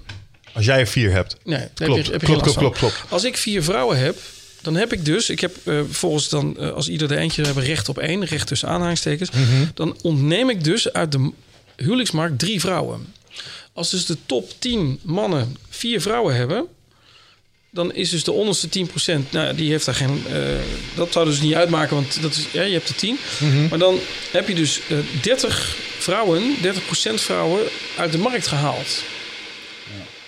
Dus dat betekent dus dat je dus de, het overschot hierboven betekent schaarste aan de onderkant. Nou, ja, en eh, met alle gevolgen van dien voor, de, eh, voor die landen, want die ontwrichten helemaal. Want er zitten dus allemaal kerels die gefrustreerd zijn. Ehm, en ik heb dus nu net daarmee een deel van het inkomensprobleem, maar ook het huwelijksprobleem van Afrika en Noord-Afrika en Sub-Sahara-Afrika beschreven. En Japan. Want daar is dit ook echt een fenomeen waarbij eh, eh, gasten inderdaad ervoor kiezen. Nou, dan ben ik maar voor de rest van mijn leven een soort van eh Ja. eh, single vrijgezel. Ik trouw niet meer. Hebben inderdaad dezelfde Ja. neiging als jij. Die gaan een soort van, eh, die verbitteren en die worden een soort kluizenaars. Ja. Ja. klopt. En dat is denk ik niet voor niets. Dat is, als je het dan hebt over technologie. Er zijn Ja. nu in Japan gewoon producten op de markt. Waarbij eh, een waifu noemen ze dat. Dat is een soort hologramprojector. En dat is dan een computertje en dat praat tegen je. En dat vraagt je hoe je dag was. Om iets van companion te hebben. Omdat die mensen zo uitgehongerd zijn naar een soort van sociale Ja. interactie. Maar ze kunnen het niet krijgen. Omdat ja, die, die, die eh, datingmarkt die is helemaal scheef gezet. Ja. En je Ja. bent daar een drone. En als je niet bij de top hoort, dan, eh, ja, dan wil zo'n mei- zo'n meisje je helemaal niet. Nee, en, en eh, dat ontwricht de samenleving enorm. En het heeft, eh, als je naar de gemiddelde leeftijd kijkt, de gemiddelde leeftijd in Nederland is zo'n 4, 44, 45 jaar. In eh, Benin eh, of, of Nigeria is het 17. Benin is 15. Oh, wauw. Dus je hebt er een overschot van jonge mannen die geen vrouw kunnen krijgen omdat ze te weinig geld hebben. Eh, en dat, ja, die, die, eh, eh, die radicaliseren ook. die, die Boko Haram-types, hè, dus die al die meisjes ontvoeren. Ja. Het is niet zozeer allerlei islamitische gedachten. Die willen gewoon een vriendin. Die, die ze anders gewoon niet zullen krijgen. Nou, terug naar inkomenspolitiek is dat ehm, eh, ongelijkheid. En met name grote ongelijkheid kan een maatschappij heel erg ontwrichten. Ja. En ehm, je ziet nu dat, dat de happy few, dus de rijken, worden, worden, worden rijker. De armen worden op zich niet armer, maar kunnen gewoon niet meekomen in dat tempo. Nou, en het, het gevolg is dat eh, Nederland daardoor voor een deel eh, ontwricht raakt. Ja, nou, wat, wat ik er interessant aan vind, is dat dat blijkbaar in Nederland ook gewoon al ehm, merkbaar is en te zien. In de landen die je daar aanhaalt, is het, eh, is het gewoon een groot contrast. En kun je je voorstellen, ja, oké, ik snap dat wel. Ja. Ik, ik snap ook echt wel dat. eh, dat zie je naartoe komen, want dat, is, dat speelt natuurlijk ook mee. Hè? ja, tuurlijk. Ja, dat, nou, dat sluit aan bij als je hier de geldkraan openzet. Dan, dan haal je ook potentieel dat soort mensen naar binnen. Ook met het idee om hier misschien beter mee te kunnen doen op die, op die datingmarkt. Kom je er ook weer bekijkt vanaf, denk ik. Ja. Dus ja, je gaat met je paar centen weer terug. Maar ja, nou goed. Maar in ieder geval, het, Ja, het heeft een nee. ontwrichtende, eh, ontwrichtende werking. En eh, wat me in dit boek eh, opviel, is dat ehm, eh, ongelijkheid, gro- grote ongelijkheid binnen groepen of tussen groepen, tot een hele ontwrichtende werking heeft. De vraag is, was het altijd al niet zo? In de zin van, als ik nou terugga naar een... eh, eh, misschien is dat een misvatting die ik heb. Maar als ik denk aan bijvoorbeeld groepen die over de savanne liepen. Ja. En je denkt aan hoe groepen zich organiseren, dominantie hiërarchie. Er is altijd een soort uh, een alpha male en die doet een paar dingen Ja. heel erg goed. En het lijkt erop alsof de vrouwen daar eigenlijk per definitie eh, naartoe trekken. Dus daar zul je ook altijd al een soort van... Ja, weet je, er is nergens geschreven ehm, dat het één op één moet zijn. Oh, we hebben vijf Nee. mannen, we hebben vijf vrouwen. Nee. Dus eh, nu moeten we die gelijk over elkaar gaan verdelen. Eh, moeder natuur lijkt automatisch soms dat soort dingen te doen. En dat Ja. zit hem, als ik Mark mag geloven, ook voor een belangrijk deel in de selectie van een genenpakket en een stukje Ja. zekerheid voor je nageslacht. Ja. En ik denk dat geld daar een hele eh, tegenwoordig, en misschien is dat ongebalanceerd, maar het lijkt daar een uiting van te zijn. Dus als je kan zien, oh, die meneer heeft zo'n bankrekening, rijdt in die auto, draagt dit soort kleren, Ja. Hmm, zal wel goed en- zitten. en- en soms is het misschien wat minder plat, maar gewoon heel praktisch. Als jij een partner hebt die niks binnen, binnenbrengt, eh, wat heb je daaraan? Gewoon puur in termen van overleven. Als je niks toevoegt, eh, financieel aan het huishouden. Eh, hè, die Trump-stemmers hebben ze, interviews net mee gedaan en zo. Een groot deel daarvan eh, heeft in een, in een huishouden ook niks toe te voegen. Dus keihard natuurlijk. Maar ja, een, een, een, een relatie is voor een deel ook natuurlijk een, een verbond waar je, dat je samen sterker staat. Het is een coalitie. En als je iemand nou eh, in je leven laat die jou naar beneden haalt, eh, ja, dan wat, wat ben je dan aan het doen? Vind ik wel heel erg berekenend zo. Hè? Het component liefde is daar ja, ik wel helemaal buiten maar, maar beschouwing. probeer eens van iemand eh, te houden die jouw leven een heel stuk ellendiger maakt. Ja, dan wordt het een trekkend verhaal. eh, Dat wordt, dat wordt lastig hoor. Dat, eh, Dat geloof ik. Maar je kan er ook voor kiezen dat iemand, eh, stel je gaat kinderen en dat de vrouw zegt van nou ik ga voor de kinderen zorgen en ik help je mee in je bedrijf. Ja. We gaan het zo doen. Ja, maar dan heb je alsnog een samenwerking waarbij toegevoegde waarde wordt gecreëerd door degene, maar dan misschien niet in geldelijke zin. ja. En, en, en dat geeft jou weer de mogelijkheid om weer meer te verdienen. En dan, dan ben je een eenheid. Hè? Dus het idee van als een, ehm, eh, een, vrouw of een man of een van de twee gewoon alleen maar thuis zit en de ander verdient het geld, dat, dat is een, dan maak je elkaar sterker. Maar als er nou iemand zit die de hele dag een beetje in het koffiehuis zit, een beetje check roken. De, de, de huwelijksmarkt voor, voor kansloze mannen, ik zeg het maar even wat bouter, komt misschien ook, het, het is gewoon niet zo groot. Ik vraag het wel eens aan mijn studenten, die dus voor 90% vrouw zijn. Wie van jullie droomt er nou van een man die de hele dag in zijn bed ligt en, en een beetje zit te roken en voor de rest niks doet? Nee. Is niemand die denkt, oh, dat lijkt me nou lijkt me te gek, zo'n kerel. nee. Je wil iemand die iets, iets, iets toevoegt. Nou, nou, die meiden, die, eh, zeker op de universiteit, die werken wel hard en die hebben baantjes en zo. Maar een deel van die jongens, ja, daar ben ik ja, niet zo positief over. Maar denk je ook niet dat er een, eh, dat zie ik nu heel erg in, het is ook een hele opkomende trend in een stukje persoonlijk leiderschap, waarbij eh, de versofting van de maatschappij en van de man, dat de vrouwen die zitten veel te veel in de man-energie, die allemaal dingen te doen en, Ja. die, en die kunnen bijna niet meer in die vrouwelijke energie komen, omdat de mannen gewoon te soft zijn, niet weten Ja, wat hun ik- missie is. Ik weet nooit zo goed wat, wat vrouwelijke energie, mannelijke energie. Ik ben er altijd een beetje huiverig voor. Ehm, ja, ik ben altijd een beetje huiverig voor om, om die verschillen. eh, ehm, Vooral tegenwoordig te- is dat behoorlijk eh, dun en glad ijs soms. Maar ik snap nee, wel wat nee, je nee, bedoelt. nee, ja. ik, ben, ik ben niet bang voor allerlei boze mails of, of wat dan ook. Maar ehm, coming, guys. Ja, Ik- gewoon eh, like mag- sturen. Ja. Mag een man een man zijn of wat dan ook. Maar eh, los van hoe macho je nou bent... je wordt geacht om in ieder geval een bijdrage te leveren... aan, aan een, een, een samenlevingsverband. Nou, wat volgens mij eh, de- wa- relatie. wat er echt achter ligt en waar geld volgens mij een uiting is, van, is je mate van competentie. En ik denk dat dat ook een heel belangrijk selectiecriterium is. Want je hoeft misschien niet geld te verdienen. Want eh, als je heel, eh, heel bevlogen bent en je kan bijvoorbeeld heel intellectueel, kan je ergens helemaal de diepte in. Dan doe je uit een overtuiging. Dan is misschien de bankrekening die erbij hoort, is misschien niet Nee. super hoog. Eens. Maar je bent wel super competent. En dat is aantrekkelijk. En dan, en dan komt toch weer, mijn, komen we weer terug op dat punt van die, die, die laag opgeleid. Wat doen we nou met mensen die incompetent zijn in de zin van dat de dingen die ze kunnen niet passen met wat de maatschappij op dit moment zoekt? Ligt aan je geloof in hun vermogen om nog dingen te leren. Dus Als als dat, als dat nou heel beperkt is. Hè, Er zijn eh, dus 2 miljoen mensen die zwak begaafd zijn. ik denk dat je die schade Is, gewoon is dat moet echt nemen. zo? Zijn er 2 miljoen mensen die zwak begaafd zijn? Het is een beetje afhankelijk van hoe je het definieert. Eh, dus of verminderd begaafd. Maar, Is dat Kijk, dan niveau VMBO of lager? Eh, nee, VMBO is... De meeste Nederlanders zitten op de VMBO. Dus dat is de, de- ik heb het echt over de echte onderkant. Oké, maar ik wist niet dat dat 2 miljoen was. Ja. En, eh, het is maar een beetje hoe je definieert, hè, waar, je de, waar je de grens trekt. Maar je moet het een beetje zien zoals lengte. Hè. Eh, hoe lang ben jij? Twee meter precies. Je bent precies twee meter. Nou, het, het aantal mensen wat aan jouw kant van de curve zit. Dus eh, jij bent hoe lang? 1, 1,86. 1,86. Nee, je bent ietsje langer dan... Maar laten we zeggen dat jij het gemiddelde bent en ik zit eronder. Ik ben 1,73 meter. Dat is mooi. Hebben we alle drie de lengtes hier aan tafel. Dat voor iedereen van 2 meter is aan de andere kant van de curve ook iemand. Mhm. Dus net zo vaak als jij iemand tegenkomt die even lang is als jij... zijn er aan de andere kant van de curve mensen die eh 1,60 meter zijn of, of nog kleiner. Dus ehm, als het standaard normaal verdeeld is... voor iedere hyperintelligente student... zit er aan de andere kant iemand die, die kan lezen en schrijven. Ja. Dus die groep is een stuk groter dan je denkt. Alleen je ziet ze niet, eh, omdat je er niet mee omgaat. En daarvan zeg ik, ik, ik noemde het net, die schade moet je maar nemen. Maar daarmee bedoel ik eigenlijk de last die eh, Ja. dergelijke mensen op je economie met zich meebrengen. Als je ze zou Ja. moeten onderhouden, die moet je denk ik als maatschappij dat bovengemiddeld eh, scoort Ja. op de welvaartsladder. Die moet, daar moet je gewoon voor zorgen. Ja, moet je voor zorgen. Maar nu, nu komt, we gaan het over geld hebben. Dat is financieel, ben ik het met je eens. Maar je wil ook eigenwaarde.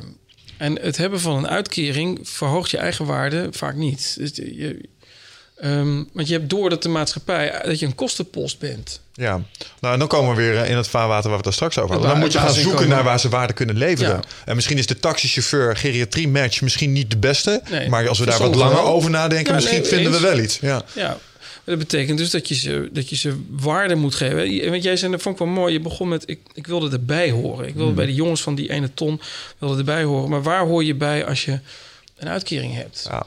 Wat ook zou kunnen trouwens, bedenk ik me net, is dat je iets doet aan de andere kant. Namelijk wat we als maatschappij zijnde ehm, hoog in acht hebben. Bijvoorbeeld als Ja. jij, ehm, stel je krijgt zo'n uitkering, maar jij gaat er wel alles aan doen om jezelf zo vitaal mogelijk te maken. Ja.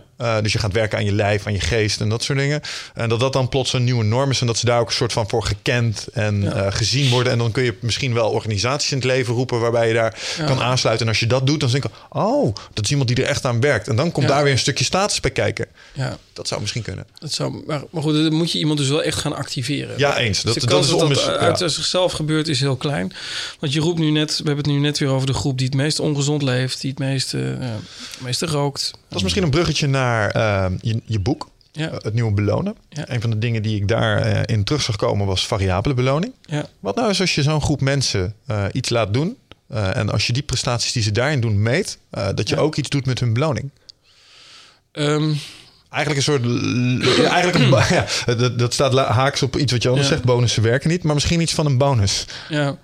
Ehm, kijk, de, centrale eh, stelling in het boek is dat met name als je van geld te weinig hebt, dat er dan allerlei problemen ontstaan. Eh, en ehm, ietsje meer geld geven helpt dan niet. Dus in sommige gevallen moet je mensen ook echt helpen. En de, de, de grote fout die we vaak maken is dat mensen ehm, eigenlijk een vat vol met talenten zijn en dat je het er gewoon uit moet trekken. Maar bij sommige mensen lukt dat gewoon. Of het vat is gewoon leeg. Dat kan, hè. Er zijn mensen die gewoon eh, eh, ja, niet zoveel talenten hebben. Dat- Dat, is gewoon niet eerlijk verdeeld over de maatschappij. Ehm, maar al hebben ze ze wel, is dat je eh, met alleen maar een beloning je ze nog niet uitkrijgt. Dus coaching is veel belangrijker. Dus je ziet nu ook dat ehm, mensen die met schuldproblematiek te maken hebben, dat ze dat niet meer aanvliegen als een financieel probleem, maar als een, als een Coachingsissue. coaching issue, Ja. inderdaad. Dus eh, ik zou letterlijk zeggen hoe het nu gaat. hè. Je gaat een, een, eh, bijvoorbeeld een uitkering aanvragen en je blijkt je hebt recht op een toeslag. Nou, vroeger werd dan gezegd, nou, je hebt recht op een toeslag, dus eh, ga maar halen en dan gaat het vast beter met je. Nu wordt gezegd, ehm, weet je waar je dat kan vinden? Ja, dat weet waar ik dat kan vinden, want het staat op internet. Heb je internet? Ja, dat, nee, dat heb ik niet, maar mijn broer wel. Oké, heb je zijn nummer? Ehm, ja, dat heb ik. Heb je beltegoed? Dat je dus en, en al de stappen die ik nu heb gezet, dan gaat het namelijk vaak mis. Dat mensen dus door die, door die bureaucratie niet heen komen, omdat ze gewoon ehm, te, te gestrest daarvoor zijn. Ja, Kortom, coaching, en dat is ook eigenlijk een, een van de conclusies van het boek. Als je wil dat mensen veranderen, ga dan niet denken in prikkels van moet ik een beetje, een beetje straffen, een beetje belonen. Nee, je moet ze helpen. En dat is ja. een, een betere strategie dan denken dat mensen perfect zijn, maar met de, en met de juiste prikkels duw je ze de goede kant op. Ah, Dan heb ik een mooie. eh, De eerste lichting mensen die eh, dus eh, op die manier op de markt komt, die moet je dus eigenlijk opleiden tot een soort van coach, want zij zijn patiënt nul. Ja. En zij kunnen straks weer andere mensen helpen. Ja, als ze daar het talent voor hebben. Ah, ja, natuurlijk. Je moet wel een bepaalde aanleg hebben om Ja, kennis over te kunnen dragen. En dat soort kind- ja, dingen. maar het, het valt. ehm, ehm, eh, je, je veronderstelt steeds een, een, een redelijk IQ. Dat iemand namelijk een ander begrijpt. Misschien- Intellectueel kan, kan spiegelen wat iemand bedoelt. Dat onder woorden kan brengen. maar dat komt misschien omdat ik uit de vechtsport kom en ik heb lessen gehad van mensen die misschien in het bedrijfsleven niet noodzakelijk tot de hoogste echelonen waren doorgedrongen Ja. omwille van die IQ, maar mij wel levenslessen hebben geleerd die ik nu de hele dag elke dag nog met me meedraag. In zowel de uitvoer van mijn sport als in het leven leiden. Ja. Eh, dus er zit daar kennis en daar zit daar kunde. Alleen misschien niet in de vorm zoals we als academici eh, die gewend zijn te herkennen. Dus daar zou een bias in kunnen zitten. Ja, schappig dat je het zegt. Ik, ben, ik, ik, zit, eh, ik doe ook een vechtsport. Ik doe al jaar aan, aan, aan kickboksen. Ehm, doe je dezelfde sport trouwens, of niet? Ja. Eh, MMA, maar Ja. het kickboksen is, een, eh, is daar een heel belangrijk component bij. Ja. En ik heb daar mensen ontmoet die, waarvan ik een deel echt het gevoel heb dat ze zwak begaafd zijn. Ik zeg maar gewoon even zoals het is. Ehm, en die ook, ook over zichzelf praten in de kleedkamer of, of problemen die ze ondervinden. Ik denk van ja, je, je roept ook echt problemen. Je, je, je, je, je creëert ook een wereld met alleen maar ellende. ja, dat herken ik wel. Eh, dus dan zit ik naast een, een, een, een Marokkaanse jongen. Mensen die mij nu niet kunnen zien, maar mijn vader komt uit Curaçao. Dus ik, ik zou qua uiterlijk voor Marokkaan kunnen doorgaan. En die beschrijft zijn leven met, al- als een soort flipperkast. Die heeft gewoon de hele tijd overal conflicten. En ik loop al 45 jaar door diezelfde flipperkast heen. Ik heb nooit problemen. Gewoon, om, maar omdat hij het... Of hij wil het niet, of hij snapt het niet. Of, maar ik, ik merk dat hij gewoon de, de regels van het spel... het maatschappelijk spel niet begrijpt. Ja, ja. Eh, en de vraag is, als ik die jongen nou wat extra geld zou geven, of die dan, of die flipperkast dan in één keer een rustige omgeving wordt. ja. Of moet iemand hem gewoon vertellen van, joh, als je in een winkel binnenkomt, zeg even goedemorgen. Dat werkt beter dan mag ik een brood en, en moeilijk kijken, want dan gaan ze ook vervelend doen tegen jou. ja. Of dan zegt hij, ja, de, de politie provoceert mij. Ik heb in mijn hele leven, ik heb, ik ben een keer door rood gereden. Ik heb nog nooit iets met de politie te maken gehad. Nee, het is ook een beetje de toon die de muziek maakt Nou, natuurlijk. blijkbaar. Maar, Ja. de- maar dus, de, het is leuk dat je zegt vechtsport, want daar kom ik juist altijd van die flipperkast mensen, noem ik ze. Die, die gaan van het ene conflict, bad, komen ze weer in het andere. En die hebben coaching nodig. Die moeten gewoon een keer uitgelegd worden. Die, nou ja, niet allemaal hoor. Er zitten allemaal hele fijne mensen bij. Er is een groot verschil tussen kickboxgala's, judo-wedstrijden of MMA-gala's. Daar kom je anders voor tegen. ja, ja, dat is waar. en, en eh, ik, ik heb zelf nooit een hockey gedaan, maar mijn zoon doet aan hockey. Maar er, er zitten er gewoon eh, bij Kampong eh, op zondag 3000 man door elkaar heen. En het gaat gewoon gemoedelijk. Weet je? Dat, eh, de sociale problematiek is daar, wil iedereen drinkt en mensen hebben hockeystick bij zich. Nou, daar kun je toch een hoop geweld mee aanrichten. En dan kom je bij een voetbalwedstrijd, is het weer heel anders. Maar wat ik, wat ik ermee wil zeggen is dat. ehm, eh, ik wil niet, niet zeggen dat hoogopgeleid doen ook heel veel vervelende dingen hoor. Die laten banken kapot gaan en zo. Dus die plegen fraude. Dus die zijn ook niet zalig maar. Maar waar het mij even om gaat is dat als je gedragsverandering wil, denk dan niet alleen maar in belonen en straffen. Ja. Dat is eigenlijk het kern. En denk ook eens in termen van, ehm, van coaching. Opleiding. Dus eigenlijk de, de ideale beloning die iemand kan geven is kennis en kunde. Ja, En zelfredzaamheid aan ze geven. ja. Ja, je, ja, je zou zeggen dat eh, eh, zelfredzaamheid. Toevallig nu eh, iemand waar ik gisteren mee sprak over belonen. Nu willen werknemers gaan belonen en eh, uitrekenen welke bonus je je moet geven. Met de hoop dat als iemand voor wat minder basissalaris eh, werkt eh, en een hoge bonus, dat hij dan harder gaat lopen. Ja. En de volgende stelling is hier ook weer dat, dat die medewerkers hem een vat met succesvolle competenties zijn en dat het er alleen maar even uitgetrokken moet worden. En dat is vaak helemaal niet zo. Dat, eh, waarom presteren mensen vaak niet? Omdat ze niet weten wat ze moeten doen, of omdat de markt tegen zit, of uh, dat ze de kennis niet hebben.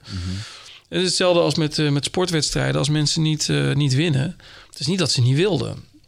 Maar je moet ze alleen vertellen dat ze hun dekking hoger moeten houden. Mm, nou, en, en, zo ga je iemand coachen. Maar die, vaak zie je dat coaches langs de kant ook al, die lopen allemaal wat te roepen. En denk ik van ja, maar je veronderstelt dat iemand gewoon precies weet wat hij moet doen. Als jij nu een bedrijf een, een afdeling mag inrichten en je mag de, de salarisstructuur uh, en beloningen inrichten, hoe, hoe, zou je dat dan doen? Dan is het belangrijkste is dat um, het differentiëren binnen het team niet meer nodig zou moeten zijn, omdat de echt slechte mensen ik dat niet accepteer. Uh, dus veel managers vragen mij hoe moet ik nou belonen? Want ik wil de goede en de slechte anders belonen. Denk ik, als je slechte mensen hebt, daar hoort heel wat anders bij die moet je trainen, coachen of, of eruit zetten. Dus een, een team is vaak een, een groepje met goede en slechte mensen. Dus mijn eerste uh, uh, wens in mijn eigen team is dat er alleen maar goede en hele goede mensen zitten. En die zou ik min of meer gelijk betalen voor hetzelfde werk. Mhm. Min of meer. Als ze min of meer even goed presteren. En, en hoe kijk je daarbij aan tegen uh, misschien klassiek, maar mij is ooit geleerd: een goede leidinggevende haalt meer waarde uit de mensen onder zich. Dus ja. een groep van vijf zou individueel 500 produceren. Jij Ja. komt er als leider bij, nu produceren ze 750. Ja. Daar zit je aan toegevoegde waarde en daarom belonen we jou meer. Je hebt er ook meer omkijken naar en meer stress van. Wat vind je daarvan? Ja, een goede leidinggevende coach zijn mensen zodanig. Nou, het, het leuke is, eh, onderzoek van, van Ma- Mark, mijn collega, ehm, toonde ook aan dat eh, de rol van de leidinggevende is niet het belonen van goed gedrag, maar het bestraffen van slecht gedrag. Dus je hebt een team, Ah. coach, je hebt, je hebt, elf, je hebt elf mensen in je voetbalteam. Er lopen twee mensen gewoon een beetje te klootviolen. Dat accepteer je niet. En iedereen kijkt ook naar jou dat jij daar wat aan doet. En terwijl die manager vaak denkt van ik moet goed gedrag belonen. Ja. Je moet zorgen dat er meer uitkomt en stimuleren. Nee, je moet de mensen die, die niet kunnen meekomen. Dat is jouw rol, dat je daar wat mee doet. En daarmee is belonen vaak meer een, een kwestie van eh, eh, coaching. Zorg nou dat die twee mensen, een goed team, accepteert die twee man niet. ja, het is net wat je preach is wat je tolerate. Ja, Ja, dus eh, en, en dan ja, ik merk als ik heb zelf ook leiding eh, gegeven. Dat is niet altijd makkelijk, want dan, dan zie je bepaald gedrag en dan denk je, ah, ik moet, Ja. ik moet dit nu weer gaan aan. Ah, dat is een ongemakkelijk Ja. gesprek. Helemaal Nee, geen, en het is makkelijk om te zeggen, hey, goed gedaan. En dan heb je ook het gevoel dat je een goede baas bent, want je hebt gezien dat ze het goed deden. dat noem, ik, Ah. eh, dat noem ik in mijn boek Restaurantfeedback. Eh hoe heeft het gesmaakt? Ja, was lekker. Ja, en, ja, en ja, dan s'avonds op ga je, ga je helemaal los, maar eh, tegen die persoon zelf. Dus ik zeg altijd tegen managers: wat jij thuis tegen je partner of tegen een ander privé zegt over je collega's, als je dat nou tegen die persoon zelf zegt, dat is feedback. Oh shit, dan zouden Wicht en ik niet meer samenwerken. Nee, geintje. En een goede relatie zeggen jullie dus wat je tegen je. Er zit er niet veel verschil tussen wat jullie tegen je partner zeggen en wat jullie tegen elkaar zeggen. Nou, daar hebben we het wel eerder over gehad. Ik denk dat dat een van onze sterkste eigenschappen is. eh. Vanochtend gebeurd. ja, het hoofd zit er nog op. Ja, Nou ja, maar ik vind je- juist die, eh, eh, net zijn af en toe echt wel conversaties waar, ik me, eh, waar je mee zit. Van ja, we moeten het wel gewoon doen, want anders dan komt het gewoon niet. Eh, over echte conversaties gesproken. Ik moet mijn kinderen zo gaan halen. Oké, Nou, we gaan afronden. Ja, Alright, maar ik vond het wel heel erg interessant. Hoe laat is het? het, ik zal eens even voor je kijken. Het is eh, twee uur. Meen je niet. Je had er al moeten zijn, wou je zeggen. Nou, ik moet mijn trein halen. Oké, Oké, nou, nou, dan vijf gaan voor we- twee. Het is vijf voor twee. Helemaal. Nee, dan, is het, eh, dan is het goed. Ik moet hem één over hebben. Nou. Ja. Top. Dan eh, gaan we rennen. Ik wil je danken voor je eh, komst. Jouw boek, De Eerste Koop. Ja. Eh, je hebt ook een website, zag ik. ja, gewoon het nieuwe belonen vind je het wel. Ik heb, als je waarboer heet als het voordeel, dan vind je me zo. Dat is snel geregeld. ja. Dat is zo geregeld. Leuk. Dankjewel voor je komst. En ik wens je heel veel succes met je, met je boek, met je publicaties. En eh, ja, Ja. ik hoop misschien nog een keer terug te zien. Ik vond het een leuk gesprek. Ja, Ja, sorry voor het abrupt einde. Maar eh, ja, wat mij betreft eh, nog tot een volgende keer. Dus Oké, doen we. Dank je. bedankt voor het luisteren allemaal weer. Tot de volgende keer. Ciao.